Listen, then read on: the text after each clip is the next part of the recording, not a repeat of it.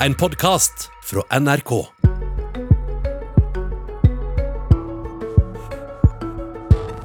Det er klart det er mange som er veldig lei seg i dag. Så tipper jeg at det er noen som er litt glad òg. Og det er helt ok. Går Siv Jensen av med han Frp er på bunnen, på vei mot en djupere bunnen, eller kan det bare gå oppover med Sylvi Listhaug bak roret? Og hva skjer med Erna Solberg sitt borgerlige prosjekt nå? Vi ønsker god morgen og vel møtt til Politisk kvarter. Her i studio sitter politisk redaktør i Dagens Næringsliv Fridtjof Jacobsen og kommentator her i NRK Magnus Takvam. Men i Halden der sitter du, Per Sandberg. Hva skal vi kalle deg da? Du er jo ikke lenger medlem av Frp engang. Nei, eh, jeg er medlem i Liberalistene, da. Så eh, jeg har flytta meg dit. Men eh, du kan jo gjerne kalle meg bardriver eller barkeeper eller hva som helst. God morgen til deg. Du, nå har du sagt det at nå kommer det mer nasjonalisme, mer misnøye og mer bråk. Kan du utdype for oss? Ja, men det er jo det som ligger i selve prosessen som Fremskrittspartiet har vært gjennom det siste året, siden de gikk ut av regjering. Eh, Og jeg registrerer det siste som sies også fra da sannsynligvis neste lederen i Fremskrittspartiet. Det er det at eh, nå skal man ikke snakke med noen. Eh, Man skal ikke forhandle med noen. Eh, Man skal snakke kun med seg sjøl. Og man skal bli mer eh, Frp, eh, sies det. Eh, Og da er det jo ikke politikken, da er det sannsynligvis bare da retorikken å sitte for seg sjøl og rope i skogen uten å få de store politiske gjennomslagene. Og så er det jo sånn at eh, Fremskrittspartiets politikk blir liksom litt glemt her, da, fordi at eh, nå skal man sannsynligvis da sitte i Stortinget og stemme for det aller meste man er imot. Eh, og så har man da flytta politikken over på venstresida fordi at man ikke har innflytelse lenger.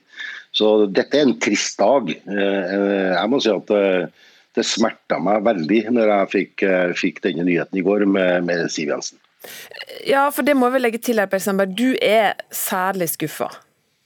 Ja, nei, det, dette var rimelig trist for meg. Selv om at jeg har meldt meg ut av Fremskrittspartiet og inn i Liberalistene, så syns jeg det at eh, både Fremskrittspartiets eh, velgere i dag, eh, Fremskrittspartiets velgere i morgen, nå har tatt veldig mye på at Siv Jensen tar dette grepet. Jeg tror at også Norge mister da en, en av Norges beste politikere, uten tvil. Og det etterdømmet til Siv Jensen, som da siden 2006 fikk dette forferdelige Fremskrittspartiet inn i regjering, satt i regjering, viste styringsevne og var en suksess. Fremskrittspartiet i regjering var en suksess, men man har jo aldri fått anledning til å eh, fortelle dette til velgerne, fordi at opposisjon og de destruktive kreftene i Fremskrittspartiet har brukt så mye energi på å legge lokk på alle de gode resultatene Fremskrittspartiet fikk. Destruktive krefter, sier du. Mener du at Sylvi Listhaug er lederen for de destruktive kreftene? Ja, i hvert fall Sylvi Listhaug har aldri vært noen sånn tilhenger av regjeringsdeltakelse, eller tilhenger av å, å ha makt og posisjon til å gjennomføre Fremskrittspartiets politikk. Hun har jo vært en del av dem som ikke var noe særlig glad i å gå inn i regjering. Eh, selv om hun var en deltaker i regjering, så var hun ikke særlig glad for det heller. Eh, hun følte det jo nærmest som et fengsel eh, å være deltaker altså, i regjering, som bør være ethvert partis mål å være med å styre landet. Nå eh, er ikke hun her, eh, hun var invitert til dagens sending og skal holde pressekonferanse senere i dag klokka ti. Men eh, apropos regjering, når tror du Frp kan komme i regjering igjen nå, da? Nei, nå er det, nå er det satt på vent, holdt jeg på å si. Vi vet jo det at Siv Jensen, Ketil Solvik-Olsen og Per Sandberg vi fikk jo da Fremskrittspartiet inn i regjering. Noe alle trodde var helt umulig på det tidspunktet. Vi gjorde det, og jeg gjentar, det ble en suksess. Eh, Men nå er det altså sånn at ingen eh, ønsker Fremskrittspartiet inn i regjering. Og jeg er rimelig sikker på at Høyre og Erna Solberg gremmer seg og syns at dette er også like ja, trist som jeg syns det. Eh, Nå vil det ta lang lang, lang tid for at Fremskrittspartiet kommer i en posisjon der at man kan forhandle om å komme inn i regjering. Og Det sier man jo sjøl. Man vil ikke forhandle med noen, man vil ikke snakke med noen andre. Eh, Man vil være alene. Du, eh, Per Sandberg, du kjenner Siv Jensen veldig godt. Eh, Hun sier at hun valgte dette sjøl, gleder seg til å få mer tid. Mange oppfatta henne som letta i går. Hva, var det du, hva slags Siv Jensen var det du så på pressekonferansen? Jo, men jeg, men jeg, tror, jeg, er rimelig sikker på at Siv Jensen er letta. Men, men prosessen hennes har vært steintøff. Og så, så jeg på Siv, og jeg hørte Siv, og hun hadde det ikke noe særlig godt. Jeg er rimelig sikker på at Siv fortsatt hadde ønske om å løfte Fremskrittspartiet. Og jeg tror faktisk at Fremskrittspartiet og Siv Jensen kunne ha løfta Fremskrittspartiet opp mot høstens valg. Eh, men det er klart at de prosessene og det presset som Siv Jensen har vært gjennom, ikke bare det siste året, men helt siden 2013, da vi gikk inn i regjering, med å takle og bruke så mye energi og ressurser på å bekjempe de destruktive kreftene og den opposisjonen som har vært til stede hele tiden, mens Fremskrittspartiet har opptredd seriøst og fått gjennomslag for masse god politikk. Eh, jeg tenker som så at eh, Siv har tenkt at eh, nok er nok. Nå vil jeg ta tilbake livet, og jeg kjenner Siv så godt at hennes ønske om å få mer tid med familien, mer tid for seg sjøl, tenke på seg sjøl, det var utslagsgivende her. Men altså presset som hun har vært igjennom, det var lei av, rett og slett. Mm. Du, Bli med oss videre, Per Sandberg. Men vi skal snakke litt om hva slags Frp vi vil kunne se framover. Så langt så har jo ingen protestert mot Sylvi Listhaug som ny partileder. Hun ble konstituert som nestleder i Frp i 2018, få måneder etter at hun hadde trukket seg som justisminister, slik at ifølge henne Frp kunne holde fram i regjering den gangen. Det vært en helt surrealistisk uke, der et eh, Facebook-innlegg som er beklaga, har omgjort norsk politikk til en barnehage. Da er det min oppgave å opptre voksent. Jeg vil være meg sjøl. Jeg vil ikke være sånn som alle andre. Derfor er det riktig å trekke seg. Og jeg skal love én ting. Det at jeg kommer ikke til å gå stille i dørene på Stortinget. Men Fridtjof Jacobsen, politisk redaktør i Dagens Næringsliv. Har Sylvi Listhaug egentlig gått så veldig bråket gjennom dørene på Stortinget i det siste? Hun gikk i hvert fall inn den regjeringsdøren igjen, ikke så lenge etterpå. Eh, så da vet jeg ikke om hun kunne være seg sjøl eh, da her også. Jeg syns Sylvi Listhaug har jo, særlig når det drar seg til mot valg og sånn, så har hun jo en aggressiv retorisk profil eh, som man kjenner fra Frp. Eh, men i gjerning, eh, og nå også som da FrPs eh, fremste representant i finanskomiteen, så har hun jo sørget for å sikre flertall for et borgerlig budsjett. Det var jo en del sånn forhandlingstaktisk bråk, men det er det jo alltid når en mindretallsregjering forhandler. Og hun har jo ennå ikke sagt noe som utelukker at Frp fortsatt er en del av et borgerlig flertall som gir en borgerlig regjering. jeg tror heller ikke i hvert fall det slik det er nå, at det er noe sannsynlighet for at Frp har noen planer om å kaste Erna Solberg f.eks. før valget på en eller annen sak, slik det var litt eh, spekulasjoner om i høst. Men har Listhaug endra seg, eller er det taktikkeri fra ende til annen? Listhaug er jo veldig sånn dynamisk, da, eh, som Frp-er ofte er. Når Frp er i form, er de veldig gode til å lese den politiske situasjonen og opinionen, og særlig den delen som de skal ha drag på. og så sier de ting som eh, treffer godt der, og omsetter det i oppslutning på målinger og også i valg. Eh, et av FrPs problemer etter at de gikk ut av regjering i januar i fjor, har jo vært at eh, de har jo mistet den touchen.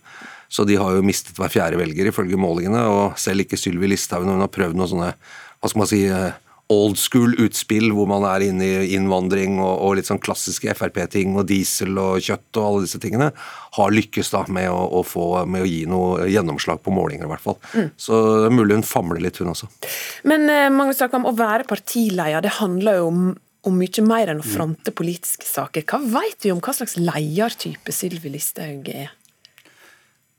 Nei, jeg, jeg, vil for det første si at dersom Sylvi Listhaug hadde blitt partileder på et annet tidspunkt, altså eh, la oss si for ett år siden, to år siden, som resultat av en eh, intern kamp i Fremskrittspartiet mellom de ulike fløyene i partiet, så ville et slikt lederskifte framstå veldig mye annerledes enn det det faktisk gjør nå. Da ville man fått en historie om at eh, liksom den fløyen, så å si, som Listhaug blir assosiert med, hadde vunnet den interne maktkampen.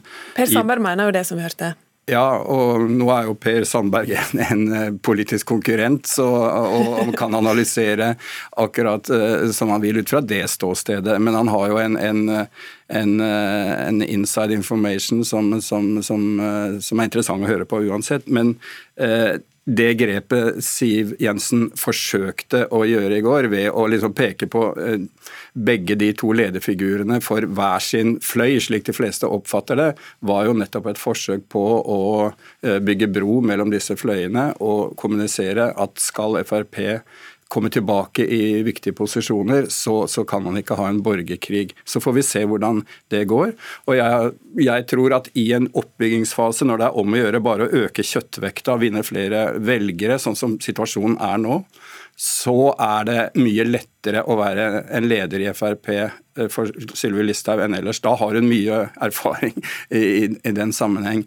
Eh, problemet vil dukke opp når man eventuelt kommer i maktposisjoner, eh, må ta vanskelige beslutninger, forhandle, og der det er ulike syn internt i partiet. Da er testen på hvilken leder hun er, eh, da kommer den. Og Jakobsen, du skrev eh, i en kommentar at den neste tida vil vise om FrPs tid som et stort og betydningsfullt parti i Norge er forbi.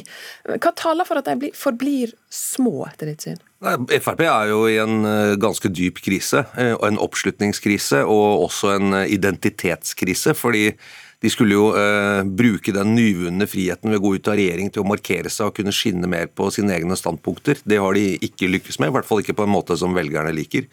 Eh, de har mistet mye oppslutning, eh, og de er også veldig vanskelig å få tak på hvor de vil plassere seg i det politiske samarbeidet. Eh, de lager statsbudsjett med regjeringen, eh, går ut med veldig harde krav. Så vinner de noen og taper noen, så snakker de ikke så mye om det. Så går de sammen med SP, Senterpartiet, SV og Arbeiderpartiet i en del saker, den såkalte firerbanden.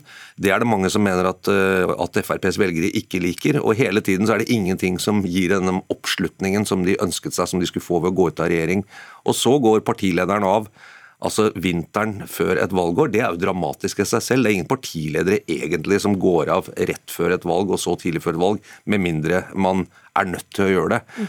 Det tror jeg er litt underspilt her, denne timingen. Hun kunne jo gått av etter valget, f.eks., hvis det ikke hadde gått bra. Eh, så, så, det er klart de er i en krise, og kommer de ikke ut av det, vel, så kan det skje som andre populistiske partier i Europa, at eh, det kommer noen andre som er bedre populister, som ler litt mer og kjører pickup og bor litt andre steder i Norge. og så så har vi et annet parti som tar en del av de velgerne. Og, og Magnus, det der med den strategien som Per Sandberg var inne på i starten, at en nå skal ikke snakke med noen, tida for forhandlinger forbi, vi stemmer for det vi får. Hvor vil det føre deg?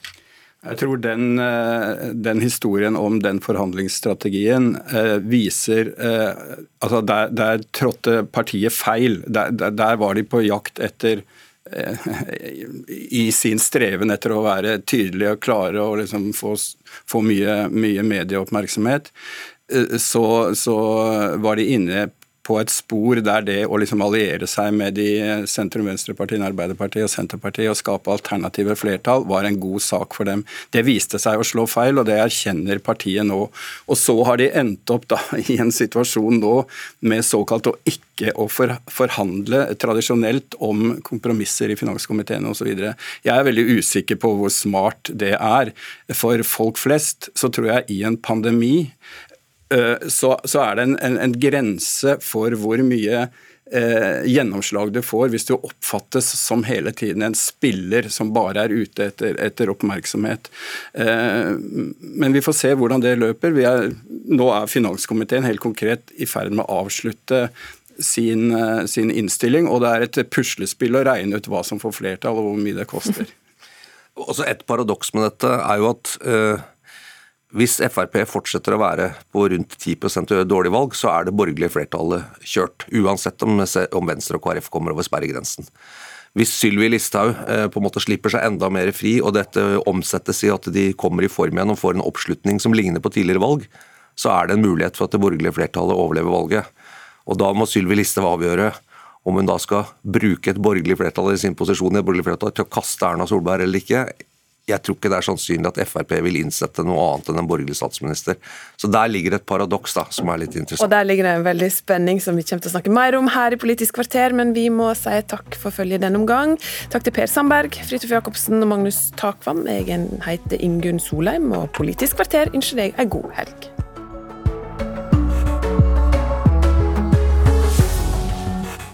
Du har hørt en podkast fra NRK. Hør flere podkaster og din favorittkanal i appen NRK Radio.